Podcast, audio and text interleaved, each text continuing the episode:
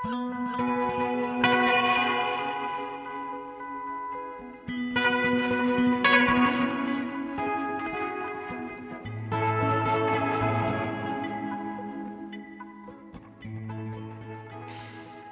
sæl og blessuð við sjáum heilsar ágetu hlustendur 5. daginn 19. november. Í miklu frosti en dagurinn fagur eigi að síður skaf heiður himmin eða því sem næst að minnstakosti síðast þegar ég leit út um glugga. Ritthöfundurinn Loki er mættur á svæðið. Hann gaf á dögunum út ljóðabók sem að nefnist Tunglið er diskókúla. Þetta er fyrsta bók Loka og hún hefur nú þegar vakið nokkra aðtegli. Loki sem að heitir fullunafni Guðbrandur Loki Rúnarsson, hann er hispurslaus og yrkir af miklum krafti um ástarsorgir, ofbeldi og síðast en ekki síst yfir þyrmandi fegurð. Hann notar sannlega öll grófu orðin en hann notar líka fallegu orðin. Ég hitti Loka á mokka snemma í morgunni, miklu frosti, já þar var engar fáment við kynnumst þessar unga skáldi í Víðsjá í dag. Við höfum líka að huga að nýju rannsóknarverkefni evróskra vísindamanna sem fælst í því að skrásetja lyktarsögu álfunar. Við fengum að því fregnir í vikunni að evróskir vísindamenn eh, heggjast skrásetja lykt í álfunni búa til lyktarsab þar sem ilmur og óþefur mun færa gesti aftur til fyrri alda til tíma þegar borgir álfunar lyktuðu á allt annan hátt en þær gera í dag. Við ætlum að kynna okkur þessa rannsókn og Líta um leið inn í Ilmhús í borginni þar sem Lísa Ólafstóttir sérleg áhuga kona um sögu Ilmgerðar listarinnar segir okkur frá tópaksplöntunni.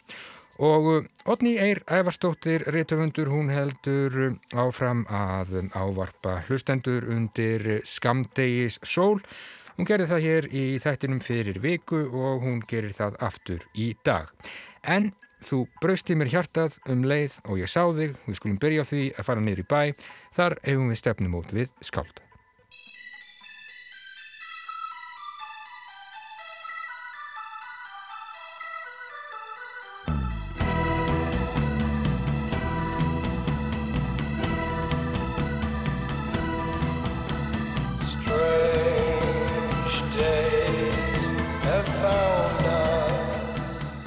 Bara að byrja á byrjunni, hver, hver er Loki? Já, bara beint stórspurningarnar. Um, já, eh, ég heiti sem sagt Guðbrandur Loki Rúnarsson, um, hef alltaf verið kallaðar Loki. Uh, ég fættur bara hér í, í Reykjavík. Um, Fóraldrar mínir eru Rúnar Guðbrandsson leikstjóri og Sigurður Elva Söguradóttir uh, listakonna og handverkshönnuður. Um, já. Byrð og Grettisgötu, jafningafræðari. Já, ég... Það símaskráni. Já, það, nú, það var fyrsta vinna mín þegar ég var 16 ára gammal. Já, það hangir inni. En þú varst að gefa út þína, já, fyrstu ljóðabók eh, sem heitir Þunglið er, er, er diskókúla og þetta er, já, mikil bók að, að vöxtum og um, það má náttúrulega segja bara, Lóki, að þú sért svolítið mættur í þessari bók. Þú yrkir mjög, um, já, þú ert með öll, öll grófu orðin en, en svo miklu, miklu, miklu meira en það, þú ert að yrkja um um ástina og, og ferðir þínar um heiminn sínist mér. Um, þessi bók er þetta svona nú veit ekki nákvæmlega hvaða árður þú ert er þetta svona er þetta svona skýrsla um, um þitt líf? Um, Já, ég er fættur 93 mm -hmm. uh, já, ég skrifaði þessa bók fyrsta uh, uppkast að þessu handriti var klára fyrir fimm árum. Já og já, skýrsla, kannski var þetta ekki hugsað sem, en þetta var nú aldrei hugsað sem bók til útgáfu kannski heldur. Ég Nei. var sér að alltaf, alltaf verið með afar slaft minni um, og sem ég þykir, þykir mjög leitt sko, ég þykir mjög væntum, væntum minningarna mínar, en alltaf fundist svona afar leiðinlegt að skrifa dagbækur, já. aldrei náða að koma mér inn í það, að gefa einhver svona skýrslu bara hvað gerðist yfir daginn, en þetta var einhver svona tilrönd til að, eila, þegar ég byrjaði að skrifa þessi ljóð, svona eila að fá mig til að nenn að skrifa niður Hva... Svona minnisæfing. Já, svona minnisæfing eiginlega. Að finna eitthvað form á þessu til að gera þetta, gera þetta einhvern veginn skemmtilegt sko, var, varðveislu prósessin sjálfan mm, ekki bara eiga þetta. Mm. svo bara einhvern daginn fattaði það ég satt uppi með einhverju hundruður ljóða og þá kom maður að byrja að prófa að ræða þessu saman og, og svo endaði maður að prófa orðin bók. Before you slip into unconsciousness. I'd like to have another kiss, another flashing. Þú, þú ert vorið. Þú ert lóan sem syngur og kveður burt snjóin. Þú ert spóin sem flýgur yfir bjartan heiminin og tilkynur okkur öllum að nú sé örugt að koma út. Þú ert nýfætt lamp, ósnert og óspilt af ílsku heimsins. Þú ert andarungi við tjötnina að taka sinn fyrstu skref. Þú ert máfurinn sem getur andarungan. Þú ert lúpínan sem dreifir sér um allt eins og kynnsjúkdómur, drepandi allt sem á vegið þínum verður, skiljandi ekkert, eftir, nema fegurð. Þú ert sumarið. Þú ert lækurinn sem tifar léttum á það steina. Þú ert litla fjólan sem græir við skriðu fót. Þú ert bláskilinn sem liggur brotinn milli hleina. Þú ert þinn íturvaksna snót sem kvílist eftir langan og erfiðan dag í bæjarvinnunni. Þú ert litla flugan sem reynir að þreita flug sitt út um gluggan en klessir vonlust á hann hvert sinn. Þú ert hljómurinn af hundruðum barna að hlaupa út um skólastofur og inn í sumarið. Þú ert köttur sem gengur um hústök borgarinnar með þokka og breymar sinn miskilda ástarsöng. Þú ert hundur sem eldir bolta í hljómskólagarðinum, hamingju samari en hægt er að vera. Þú ert létt vindgólan sem kýtlar mann í nefið með henni guðdómlegu lykt af lambi vorsins að grillast í garðvislu á grettiskutu. Þú ert tilfinningin þegar maður tekur loks í hendi fyrsta bjór sumarsins. Þú ert snúður og orkudrykkur úr bónus, lökkistræk síkaretta í solbaði hringnum. Þú ert einn ægifæra bífluga sem í sakleysi sínu stingur, barn með ofnæmi til dauða.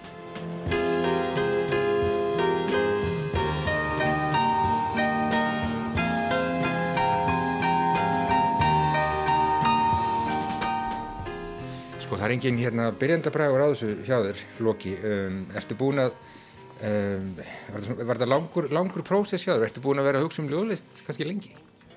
Um, já, ég nú alltaf, alltaf haft uh, mikinn áhuga á bara frás, frásagnalistinni svona í öllum sínum myndum, heila bara allt mitt líf. Já. Kemur mikilli uh, bókmenta og listafjölskyldu, þannig hérna hálf ólst upp í leikhúsinu og, og verið tróðið upp á með góðum bókum frá því ég man eftir mér. Um, en skrifa, jú, ég var svona kannski ofta að leika mér að skrifa einhverja sögur og ljóð sem krakki. En þarna svona, það er mitt þarna þegar ég er að skrifa þessi ljóð sem ég var svona að byrja að pæla í skrifum, alvarlega. Já, einmitt. Þú kemur víða við sögu í þessari bók, við erum í Höfðaborg og við erum, í, við erum á Englandi og, og mun víðar, ertu, ertu víðförull maður? Ég reyni að vera það. Ég, hérna, já, ég hálf ólst upp í Englandi. Við byggum þar fjölskyldan frá því ég var hvað tveggja til sex ára eða eitthvað svo leis, þannig það er einhver svona eskuminningar en nei, svo, jú, fór ég snemma fann fyrir flökkulostanum snemma fór einmitt þessi Afríkuljóð fyrstu eru frá því ég var 18 ára þá eh, sagt, fór ég í þryggjamanna bakpokaferðalag um, um sunnanverða Afríku. Og ætlaði að taka mér hérna annar frí frá skóla sem ég var komið alveg upp í Koká og svo fannst mér það bara svo ótrúleg upplifun að ég hætti bara í skólanum og fara að vinna til að safna fyrir næstu ferð Já. Og þarna eru uh, Afrikuljóðu þetta, til dæmis eitt sem að heitir Hotel Gaddafi og er, er dálítið gott. Já, já, takk fyrir það. Það er, það er mitt uh, gerist í Tansaníu, uh, í Dar es Salaam. Það hótel heitir reyndar ekki Hotel Gaddafi, ég man ekki hvað heitir í alvörinni, en það sem sagt Gaddafi átti það, eða, eða líbíska ríkistjórnin, ég veit ekki hvort, hvort það hefur verið. Mm Þar gisti hann sem sagt þegar hann kom í, í heimsónir til Tansaníu. Og þetta var mitt manni stuttu eftir að, að hérna, innrásastríðið var í gangi þar. Já. Þannig að þá var eitthvað búið að rýbranda það, það var ekki lengur Hotel Gaddafi. En, Eitthvað annað kom í staðin. Um, þú ert hérna, um, sko ég veit ekki alveg hvar maður á að staðsetja þig, þú ert mjög svona hispuslaus í öllum þínum lýsingum, já. Þú yrkir um, um, bara, já, ástin og, og lífið og, og ert ekkert að hérna skafa, skafa utan að því. Mér langar að spyrja því bara, sko, hvað hérna, hvar þú hefur fengið þitt, þitt fóður og hvar svona um, einhver, einhver nefndi Bukowski við mig, ég veit ekki hvar veit ekki hvar þú vilt vera Um, sko, já, maður er nú tekið sitt fóður bara svona viða, viða að í gegnum tíðina. Já. en kannski á þeim tíma sem ég var að skrifa þessi ljóð uh, ég las mikið Rimbaud sem unglingur. Það er hérna pappi tröð honum upp á mig sem betur fyrr.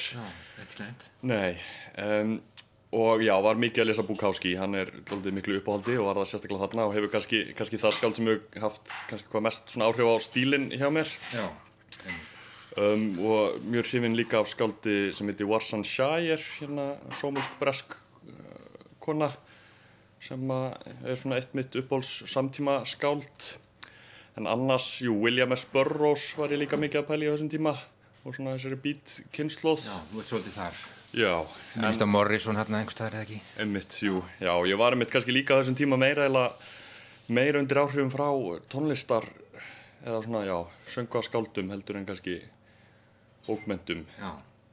Ef þú talar um Anda Morrisons held ég einhverstaðar í, í einu ljóðana en þú ert, já þú ert uh, bísna grófur en þarna er líka svona, já viðkvæmari hliðar, þú braust í mér hjartað um leið og ég sá þig. Já. Þarna er til dæmis eitt langt fallegt ljóð sem að heitir Þú, þú yrkir um fegur sem að er, er yfir þyrmandi þannig að, þannig að þú svona, það eru margir litir í, í, í þunni palettu. Já, ég vona, vona það, mm maður sé ekki ótífur eða einhverja. En um, já, það er kannski eh, líka náttúrulega það sem ég kaus að yrkja um og náttúrulega bara kannski stóru uh, stóru augnablikin og stóru svona upplifannar. Það fyndi svona að maður er búinn að heyra, las sína dómum hann um daginn og maður heyrt einhverja svona sem hafa lesið hana sem að eru greinlega komið með einhverja mjög fastmótað hugmynd af manni sem að mér finnst ekkert síðan passa við mig sko. þá kannski fattar maður að þessi bók spannar alveg mörg mörg ár og þetta er kannski svona best of og worst of í lífið mínu á þeim tíma en þess á milli náttúrulega var lífið kannski bara frekka hverstaslegt vinna 9 to 5 eða í skóla og Alltaf hættilegt þegar menn draga svona of breytt samansemmerki á milli, milli ljóða og skáldsins. já, Það er stórhættilegt. Já, ætli, ætli það ekki. En já, þannig maður var kannski bæðið mitt að, að reyna að fanga fallegustu augnablikin og þau ljótustu og já, kannski ekki mikið það sem er þar á milli. Alla leið á öllum sviðum en hérna uh, þú gafst þessa bók út á, á dögunum og ég gerir nú ráð fyrir því svona bara með að við þann tón sem er, er í þessari bók og, og eins og ég nefndi hér áðan þá var engin, engin byrjandabragur á þér þannig að ég gerir nú ráð fyrir því að þú sért uh, þú sért bara komin í gang eða hvað Uh, já, ég rétt vona það. Ég fann það einmitt eða ég var einmitt kláraði þessa bók fyrir fimm árum og svo einhvern veginn ætlaði mér alltaf að gefa þetta út en uh, meikaði einhvern veginn aldrei í tilöksuna, kannski einmitt af því að þetta er doldið svona berskjaldað og opið og, og persónulegt. En svo var ég farin að finna það einmitt að mér leiði eins og var ekkert nýtt að komast að eins og ég þurfti að koma þessu frá mér til að, til að geta gert eitthvað meira. Já. Þannig að þú ert svona eins og bara, já, nýrhreinsaður, nýrhreinsaður fugl eða kálfur af voru búin að losa losa þig við þetta. Já, það er bara búin að, búin að brjóta stípluna. Já. Kannski. Nákvæmlega. Uh, hvað næst? Um, já, ég er núna sem stendur að vinna í tveimur uh, handréttateimum fyrir sjómarsþætti þannig að öll svona uh, fer eiginlega öll mín skrif aðtegli og orka í það þannig að að það verður bara komið ljós það er, það er svo hægu prósess að maður sér örugglega ekkert af því fyrir 2023 ef að það gengur allt Þú lesar um bó? uh, Já, bara búinn með hann maður fer nú að taka annan hring kannski bráðum Já, nákvæmlega. Hvernig verður dagurinn hjá þér í dag? uh, Ég er bara að fara núna eftir hennan kaffibólla að hitta einmitt annað af handréttatímanum. Bara að vinna? Já, Já, einmitt. bara skrifa, skrifa, skrifa. Nákvæmlega. Þú býr það var auðvöld til þið að skrölda hérna út á, út á mokka, bara svolítið kalt. Já, alveg er viðbjöður. Já, þetta er, en það skaf hefur himinn og, og dagurinn er fallegur, en þrátt fyrir, þrátt fyrir allan kuldan. Ég segi bara til hamingi með þessa bók, tunglið er diskokúla og þetta er auðvitað, já, nú alltaf hægt að hafa, uh, að bera betra uh, skáldanafn heldur en, heldur en Loki, samanbæri Loki, Loki Lauvegarsson, uh, ef við ekki bara hlusta á Morrison eða hvað. Jú, það hljómar ekki það. Ekki enda þar bara. Ég segi bara takk fyrir mig og aftur til hamingi. Takk alveg fyrir mig.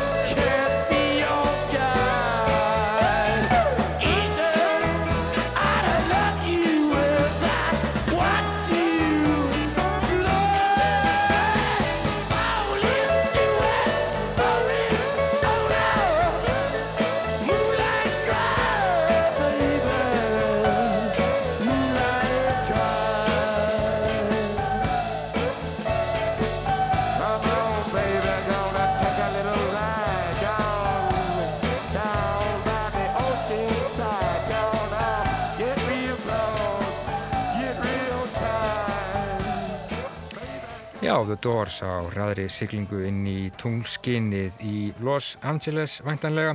Árið 1967 Moonlight Drive. Jim Morrison áhrifavaldur í lífi Loka Guðbrands Loka Rúnarssonar sem var að gefa út sína fyrstu bók, ljóðabókina Tunglið er Disco Kula. Ég heiti Loka yfir kaffibotla á Mokka í morgun. Loki yrkir um það besta og versta í lífi sínu. Fallegustu augnablikin og þau ljótustu, engin millivegur þar. En þá ágetur hlustundur hugum við að allt öðru, næst á mælendaskrá hér í Vísjá á fymtudegi er Otni Eir Ævarstóttir. Rittöfundur hún var undir skamdegis sól í þættinum hérna fyrir slettri viku og hún er það enn. Komið sæl. Nú held ég áfram að huga að líðan okkar í skamdegisólinni og hugsa nú fyrst um spurninguna hvernig líður þér? Og hvernig tímanum líður? Og þarf eiginlega að fara í orðabók og pæla í því hvaðan þetta orð kemur sko. Hvernig manni líður það er einhvern veginn eins og hvernig er framgangan í manni? Og ég talaði í síðasta pistli um bók sem ég hafi verið að lesa og er nú eiginlega jólabókin í ár hjá mér en það er 50 ára gömul bók ekki alveg nýjút komin búið að endur útgefana uh, örgulega þúsund sinnum á óteljandi tungumálum og síðan er búið að ge gefa út örgulega fleiri bækur sem eru byggðar á þessari bók. Um, þetta er svona bók sem að er kannski í stuttu máli um það sem kallast uh, virklustun uh, og er svona eiginlega bara fælst í því að sem sagt gefa sér tíma til þess að hlusta þegar maður spyr sagt, hvernig líðir að maður hvort sem maður spyr þá sjálfan sig eða aðra að maður þá býði eftir svarinu. Og þetta er svona álíka nýstárlegt og þegar frendi minn kynnti fyrir okkur nýja uh, kaffigerðar aðferð, hann saði að þetta væri svona uh, það væri svona eins og holkur síðan væri settur, sett eins og grísja í, jável pappirspóki Uh, því, því næst væri kaffinu komið fyrir þar ofan í og síðan væri sjóðandi heitu vatni held yfir og þetta kallaðist pour over. Og við spurðum hvort þetta væri ekki bara þessi gamla góða uppáhelling uh, að hella upp á kaffi. Og jú það reyndist vera. Og ég hugsa að þessi aðferð í jólabókin í ár sem ég er að fara að kynna fyrir ykkur sé svona álíka nýstárleg. Og ég byrst nú afsökunar ef ég er að bera í bakkafullan lækin, bera ljós í húfu eins og bakka bróðir. En það sem mér finnst uh, vera umhugsunavert í þessum lista sem er talin upp í bókinni Samskipti foreldra og barna sem er nú frekar ófrumlegur titill verði viðkjöna og erfitt að munan en undirtitillin er að ala upp ábyrga æsku. En það sem ég finnst vera kannski til umhugsunar er það að uh, það sem sagt er um samskipti foreldra og barna á alveg eins við um samskipti bara yfir höfuð.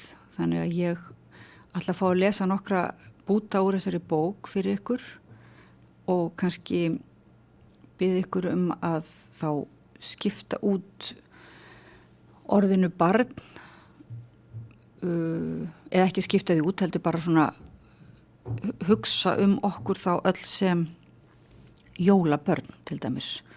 Þannig að þetta er svona hugleðing um okkur sem jólabörn að því núna er að hellast yfir þessi tími enn meira myrkurs og þegar við þurfum á einhvern hátt að bæta okkur upp myrkrið eða sólarleysið með, uh, jú, með D-vitamíni, með, uh, með kannski ljósalömpum, einhvers konar, skamdegis ljósalömpum og um, til dæmis með endurskinsmerkjum líka. Alveg svakalega mikilvægt að vera með endurskinsmerki, finnum maður núna á, á mótnana. Uh, en síðan byrjum við að bæta okkur bæta okkur þessa erfiðu tíma upp með, uh, með því að kaupa eitthvað skemmtilegt og fylla litla pakka af glaðningi, gleði okkar nánustu. Og ég er aðeins að veltaði fyrir mér hvort að við munum bara ráða við það, hvort að hefði kannski ekki verið bara betra að, að ef að viðir hefði bara sagt að núna skildu við halda okkur heima og fara enn meira inn á við og að jólinn væri hátíð ljós og friðar sem sé og að verslunin er því miður að fara á hausinn þetta árið. Ég er nú ekki óskað þessa alls ekki og fyrirgefiði þessa, þessa hugmynd en þetta er samt örlítil svona óskikja. Já þessa bók þýtti Ingi Karl Jóhannesson hún var fyrst gefin út 1970 og yðnú gaf hann út hér á Íslandi á, á hérna fyrir svona tíu árum. Fyrst kemur hérna ágæti svona formáli sem segir margir halda að þeir geti losnað við tilfinningar sínar með því að bæla þær niður, gleima þeim eða hugsa um eitthvað annað. Í raun er það svo að fólk losnar við óþægilegar tilfinningar þegar það er kvart til að láta þær opinskátt í ljósi. Virklustun ítur undir þess konar tjáningar útrás. Hún hjálpar börnum og þá öllum að komast nákvæmlega að raunum hvaða tilfinningar þau bera í brjósti. Eftir að þau tjá tilfinningar sínar virðast þar oft hverfa næstum eins og fyrir töfra.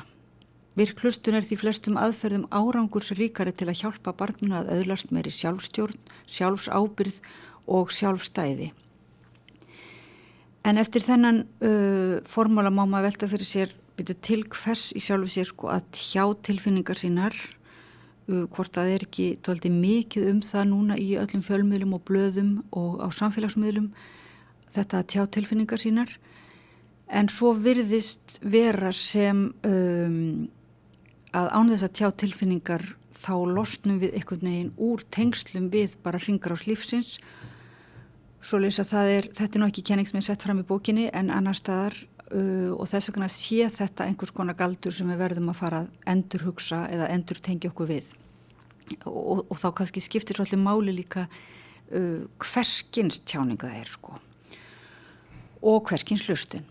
Og það er te tekið dæmi í bókinu um fimm ára dreng uh, sem reynir að fanga aðtekli fóreldra sem eru uppteknið við annað og segir þá eftirfærandi og þeir sem eru einhvers, í einhvers konar þjálfun í þessari virkulhustun sitja með glósubækur á njánum og þeir eru að skrifa niður svör sín, hvað kemur upp í hugan en það sem drengurinn segir er eftirfærandi þið eru öll skítælar og dröllusokkar í hatikur og þá og svörunum má flokka svörin má flokka í svona í, í tólf flokka. Fyrsta lagi að skipa, leiðbeina eða skipa fyrir. Númer tvö, að vara við, ávita eða hóta. Þrjú, að áminna, vanda um, predika. Númer fjögur, að ráðleggja, leggja til lausnir eða uppástungur. Númer fimm, að kenna, bera fram rauksemdir. Númer sex, að dæma, gaggrína, vera ósamála og áfællast. Númer sjö að hrósa, vera sammála. Númer átta að uppnefna og hæða eða smána. Númer níu tólka og skilgreina. Númer tíu að róa, sína samúð, hugga og styrkja. Númer ellefu að kanna, spyrja, yfirheyra, grenslast fyrir.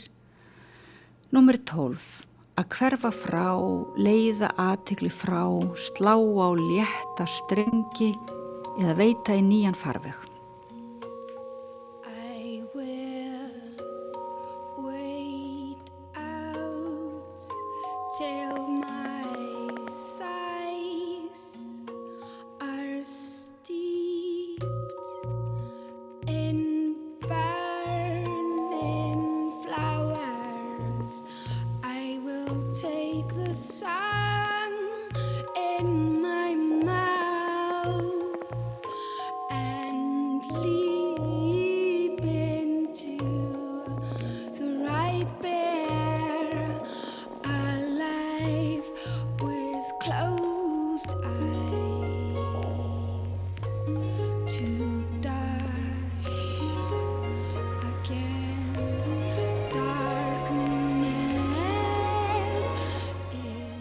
Er merkilegt að átt að segja á því að maður getur eiginlega sett öll sín svör eða sín andsvör í einhver þessara flokka. Maður er doldið drjú með sig að vera ekki kannski í, vera ekki alltaf þarna í, í, í hótunum og mútum, mútum. Svo fellur maður killiflatur í þarna ymsa flokka eins og maður er mjög mikið að hefur tekið eftir að svona nota tækjufærið og um, og svona upplýsa og kenna eins og ég ætla mist nota tækifæri hérna þegar ég fæ tækifæri til að tala í ríkisútvarpi við ykkur. Og þá má maður spyrja býtu hvenar ámaður þá að kenna barni eða, eða koma sínum svona uh, greiningum eða hugsunum á, á framfæri? Svarið er maður á að vera að því raunverulega í samræðinni kannski yfir alla dægin eða, eða í, í, já þannig að maður þarf raunverulega af þessu leiðir að maður þarf doldið að verja miklum tíma með þeim sem að maður uh, sem mann þykir væntum í virkri hlustun reynir móttakandin að skilja hvað það er sem sendandin finnur eða hvað bóðans merkja. Síðan færir hann skilningsin í eigin orð eða eiginlega táknmál og sendir tilbaka til að láta sendandan staðfesta Móttakandin sendir ekki sín eigin bóð, svo sem gildismat, skoðun, ráður, auksemdir, skilgreiningu eða spurningu. Það sem hann sendir tilbaka er aðeins það sem honum finnst bóð sendandans hafi mert, ekkert meira og ekkert minna. Ansvörin í virkri hlustun eru þá ekkert annað en endanleg könnun á því hvort þeir sem hlusta hafi hlustað af nákvæmni og hafi lagt sér alla fram og kannski fullvisa sendandan um að uh, tjáningin hafi komist óbrenglu til skila. Og ég sé bara að maður þarf eiginlega að leggja jólinn alveg undir þetta verkefni. Ef maður er rosalega upptekinn við að halda stemningunum uppi, halda jólafjörinu og halda öllu uppi bara eins og hérna, fjúkandi segldúk á, á tjaldi á ættamóti í hýfandi roki að þá líklega uh, þá líklega verður lítið um þetta þá, um, um þetta svona fína litla andrými eða svigrum einhvers konar helgi helgi, þannig helgi í, í, í öllu flæðinu. Þegar einhver finnur að önnu persóna viðurkennir hana af einlægni eins og hún er losnar hún við álagahaminn og getur byrjað að hugsa um hvernig hún óski að breyta sér. En það er eitt sem ég ætla að segja að hann líka talar um það að uh, margi fóreldra verði svolítið kannski of uppteknar af því að vera alltaf að búa til þetta svigurum og vilji bara endalust vera að, að, að hérna, kalla fram þessa tilfinningatjáningu og láta börnum sín ekki friði eða, eða vini sín eða fjölskyldumæðlimi og það sé álíka eða bagalegt uh, því að, því að hérna, þetta sé eitthvað sem er, þetta er svona eins og bara einhver ringar og þetta kemur á sjálfu sér og þetta hérna, uppsprettan verður að vera uh, í tjáningu hvers og eins það er ekki hægt einhvern veginn að, að framkallana og þess vegna verður maður bara vera allir staðar ekki ofstressaður í, í, í jólaundibúningunum annars heyrir maður ekki neitt nema kannski hugsanlega einn lítinn sálm uh, og sól míns lífs ég lofa þig.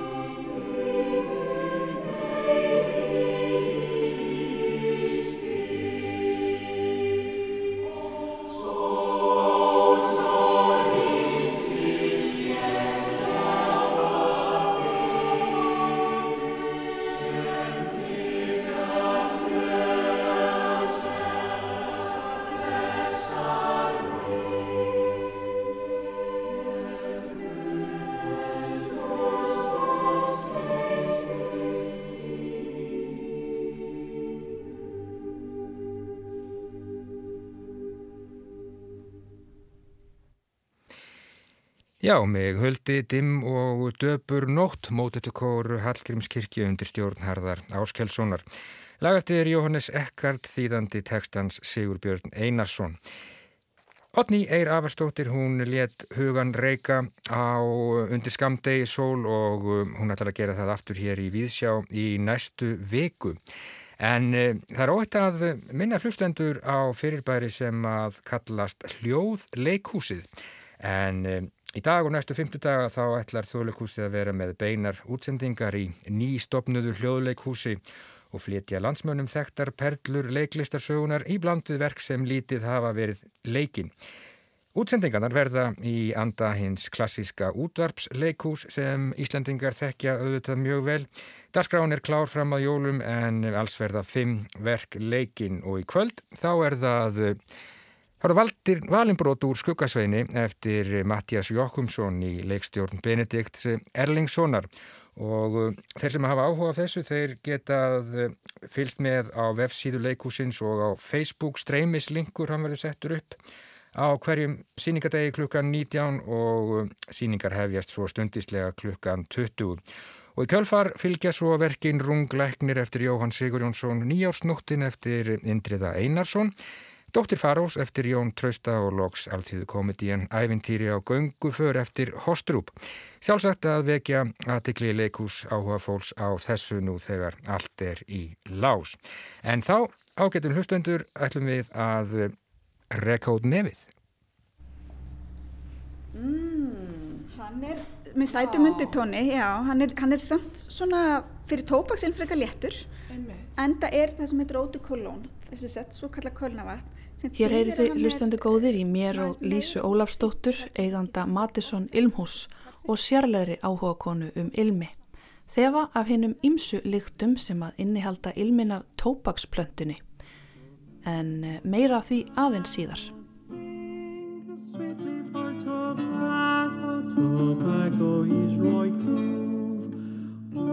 Lykt getur flutt okkur milli tíma og rúms. Ilmur af strókleri getur fært okkur aftur til fyrsta skóladagsins, stektar lumur í eldúsi til ömmu, brendur viður upp í afskektan fjallakofa á fjallstoppi og dötnin af gömlu hlandi inn í þraung stræti miðaldaborga. Í leitað glötuðum tíma getur oftar en ekki hjálpað að finna ilm, nú eða döin, til að ferðast hangað aftur, líkt og í tímavél. Og einmitt þetta higgjast nú nokkur evrópskir vísindamenn gera búa til eins konar tímavél í formi SAPS þar sem að hinnar ymsu lyktir munu geta fyllt vit gesta. Vísindamenn, sagfræðingar og sérfræðingar í upplýsingatækni viðsvegar úr Evrópu tilkynntu í vikunni þetta sam-evrópska verkefni. Hópurinn mun bera kennsla á og sapna og í sumum tilfellum búa til og endurskapa þar lyktir sem að íbúar álfunar upplifðu frá 16. öld og fram á þá 20. Í frétt um málið sem að byrtist í Guardian á dögunum segir einn vísindamannana og höfundur bókarinnar Liktinn í átjándu aldar Brellandi, Dr. William Tullett, að heilmikið sé um likt að finna í hinnum ímsu útgefnum tekstum allt frá 15. öld. Heimildir af allskynnsliktum allt frá trúarlegri angan á borð við reykjelsisilm og til hverstagslegri ilma á borð við rósir, hunang eða tópak. Það er vist tölvert til af lýsingum á lyktum fortíðar, til að mynda frá efnafræðingum sem að rannsökuðu lyktir vegna eiginleika þeirra og mögulegs notagildis, til að mynda ilmin af rósmarin sem átt að venda fólk gegn pláunni. Nú eða ilmsöltin sem að urðu vinsala á 19. öld til að koma í veg fyrir svima og yfirlið. Verkefnið mun hefjast að fullu í janúar og stemt er að því að það muni taka þrjú ár. Fyrsta skrefið verður að hanna nýja tækni sem mun geta skanna teksta á sjö tungumálum í leitað hverskins vísunum í lyktir. Út frá gagnabankanum sem kemur úr þessari vinnu verður svo búin til stafræð lyktar gagnabanki þar sem að hægt verður að finna lýsingar á lyktunum, sögu þeirra og lýsingar á upplifunum þeirra sem að skrásettu lyktirnar í upphafi. Eitt af megin markmiðum verkefnisins er að varpa ljósi á það hvernig þýðing og tilgangur lykta hefur breyst í gegnum tíðina. Nokkuð sem að ilmurinn af einni tiltekinni jurt getur gefið mjög skýrt dæmi um sangkvæmt fyrirnæmdum töllet en það er tópaksplantan. Tóbaksplantan barst frá Suður Ameríku til Evropu á þriðja áratug 16. aldar eftir landnám Kolumbusar. Frá höfnum Portugals bast þessi framandi munaðarvara um álfuna en fyrsta sendingin mun hafa farið frá franska sendiherranum í Lissabon, Jean Nicot, til drottningasinnar í Paris, Katarínu Medici. Tóbaksplantan ferðast svo hratt um álfuna og óvinnileg og slagandi áhrif plöntunar urðu skaldum og tónlistamönnum innblástur eins og Tobias Hume sem að samti þennan slagara frá árinu 1600 og sem kallast einfallega Tobacco is like love.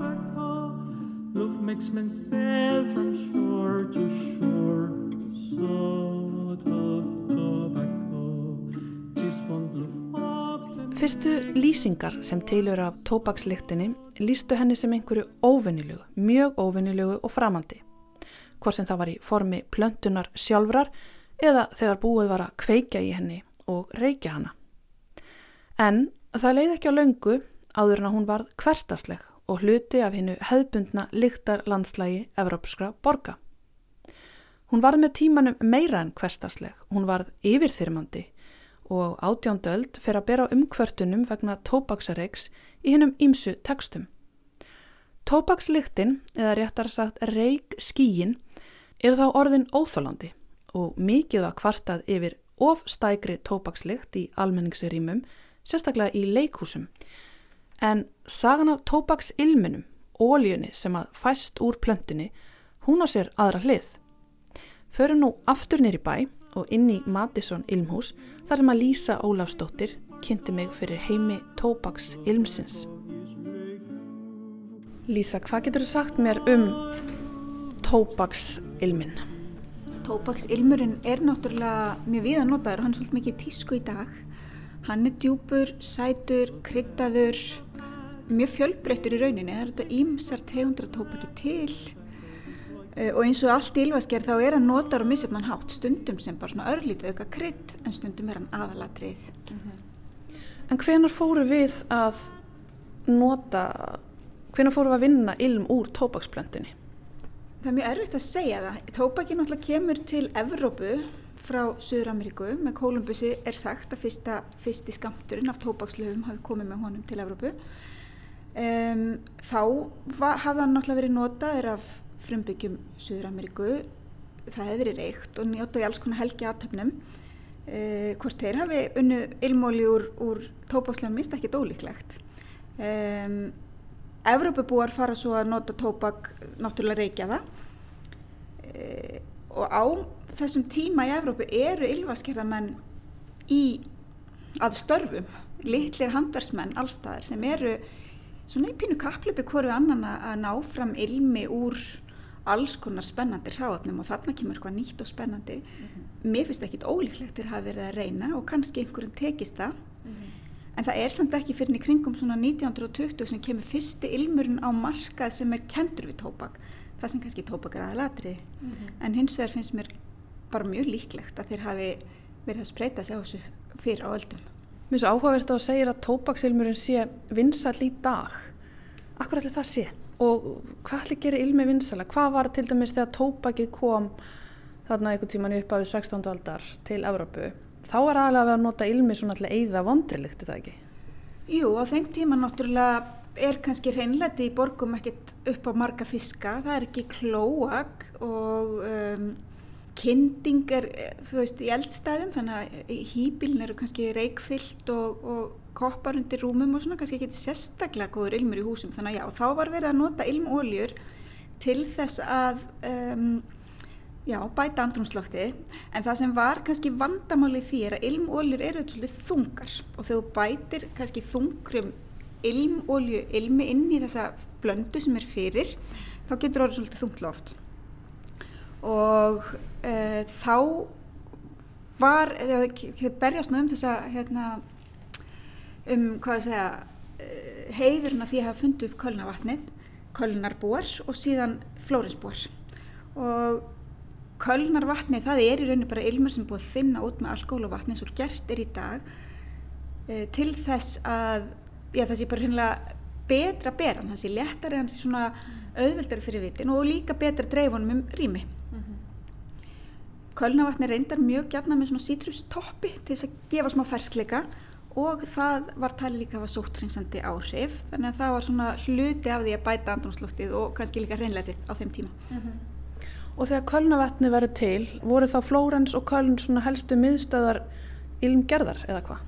Sko Köln, í, það hefur nú alltaf verið í Suðu Fraklandi svona miðstöð ilmgerðar en það var þannig í Flórens náttúrulega mikil menningar uh, mikil menning á þeim tíma uh, mikil handverk og náttúrulega bara mikil uppgangu, mikil bara peningar sem að hérna það voru svona viðskiptavinnir þarna í ákveðnu ilmhúsi sem heitir Santa Maria Novella og enn þann dag til í dag sem að báru nöfni svo Katrina Medici og Leonardo da Vinci og svona, þeir voru að kaupa þarna sápur og oljur og setna meir ilmi.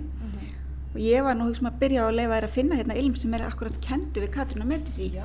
eða innblásin af henni því að hún er eina af þeim fyrstu sem vitaði er svona sögulegu personum að notaði tóbak og setna meir þá voru framleitir frægir uh, vindlar í, í Toskana þannig að Ilmhúsi Santa Maria Novella sem árætur er ekki allt til 13. aldar í komlu munkaklustri þeir framleiða núna ilm eh, svona henni til heiðu sem heitir Tobacco Toscana ég er hugsa að finna Já. Þetta Og er smá svona fest. Þetta er fest og það er sítrustoppur í, eins og ég var að segja, er svo gjarnan í kölnavatni, þannig að það er sítrustoppur í, hérna, og pínu blóm, það er jasmína í toppnum, en það er ákveði par sem svona mjög gjarnan vinnur saman í þegar tóbak er annars er mjög oft vanilan með. Og ég held einhvern veginn að það sé aðferð til að ná fram, þú dregur hérna, nota vanilan svolítið til þess að draga fram og íta undir tóbaksilmin og fá svona þess að þennan ilm af tóbakslöf, við erum auðvitað ekkert að leitast eftir sko, síkartur reykjalikt eða, eða vindla reyk, við erum að leita að þessum ferska tóbakslöfa ilmi.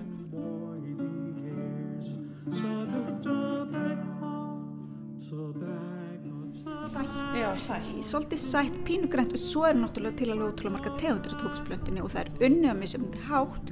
Þannig að þetta er þetta svona pínu svipa og að fara kannski í vínsmökkun, það er alls konar. Og þú vilt kannski draga, eða þú ert ylvaskera þá viltu í þessum ilmi sem þú ert að skapa þennan daginn draga eitthvað eitt fram en eitthvað annað í einhverjum öðrum ilmi sem mm -hmm. finn, fyrirfinnst í tóbaksplöntunni.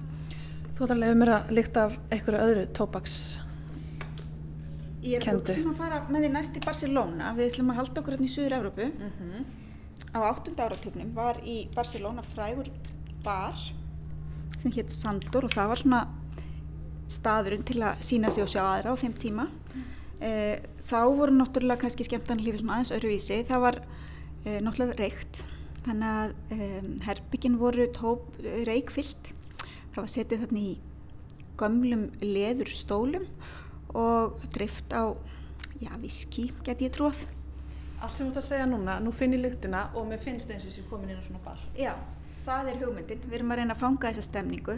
Vá, hvað þessi er góð. Þessi er dýbri heldur en hinn, það er aðeins meiri kraftur í henni. Og svona leður, já. Leður með, já.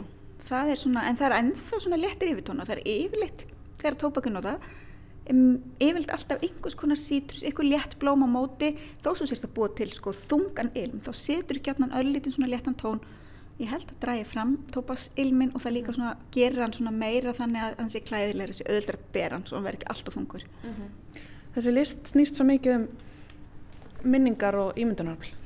Ilmur náttúrulega er alveg nátengdur. Þetta er svona það uh, ski, skilningaveit sem tengir minningarnar langt mest. Ég, ég hef stundu sagt, þú veist, maður áttast ekki á þessu. Ég held þetta sé bara svona frum, frum kraftur í okkur að ilmur hefur bara miklu meira áhrif á okkur heldur en við áttum okkur kannski ádagstaglega. Um, tengist bara auðdaminningum og ég veit að maður kannski þekkja það allir ykkur, kannski að opna ferðartöskuna og þú ert allt í hennu bara finnur ykkur leifar af ilmi frá fríinu þínu og þú ert bara allt í hennu komin á sólaströndina eða þú ert komin heim til ömmu þegar þú finnur ilmin af einhverju hjá henni. Einhver er að baka eitthvað sem amma bakaði alltaf eitthvað svona, það er bara svona hjarta tekur auka slag.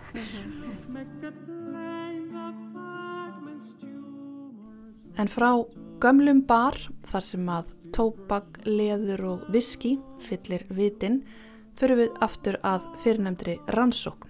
Verkefnið mun eins og fyrr sagði hefjast í byrjun januar og mun hópurinn byrja á því að skanna handrit, hinna ymsu texta og stefna vísendamennir svo á að endur gera þær lyktir sem að finnast í textunum með hjálp Ylvas gerðar manna og í framhaldinu finna leiðir til að miðla þeim á sem áhrifaríkastan hátt.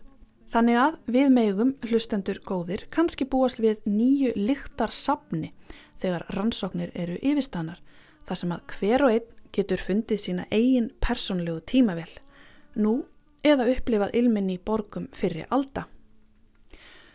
Að nota ilm til að íta undir skinnjun og upplifun sapgjasta er svo sem ekki nýjaf nálinni en heilt sapn tilengað hinnum ímsu lyktum er eitthvað alveg nýtt og virkilega spennandi. Ekki bara fyrir nostalgíska huga í leitað glötuðum tíma heldur líka forvitna ferðalanga sem að vilja heimsækja ókannaðar slóðir fortíðarinnar. Hver veit svo nema öll þessi upplýsingatækni geti jafnvel hannað kerfi sem að gera okkur kleift að heimsækja lyktirnar heima í stofu.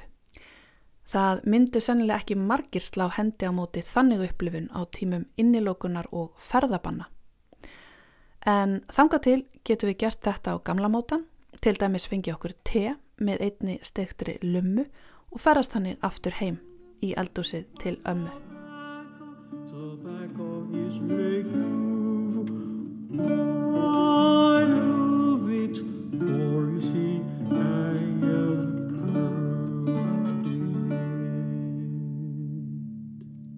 Tobacco, tobacco, singing sweetly for tobacco, tobacco is like Já, þarna síðast auðvitað sungið um tóbaks ilmin. Halla Harðardóttir með hugan við lykt og ilm í dag. Ræti þarna við Lísu Ólafsdóttur sem að hefur mikinn áhuga á sögu ilmgerðar listarinnar, allt mjög heillandi. Og svona ætlum við að ljúka þættinum í dag með nefið upp í loft.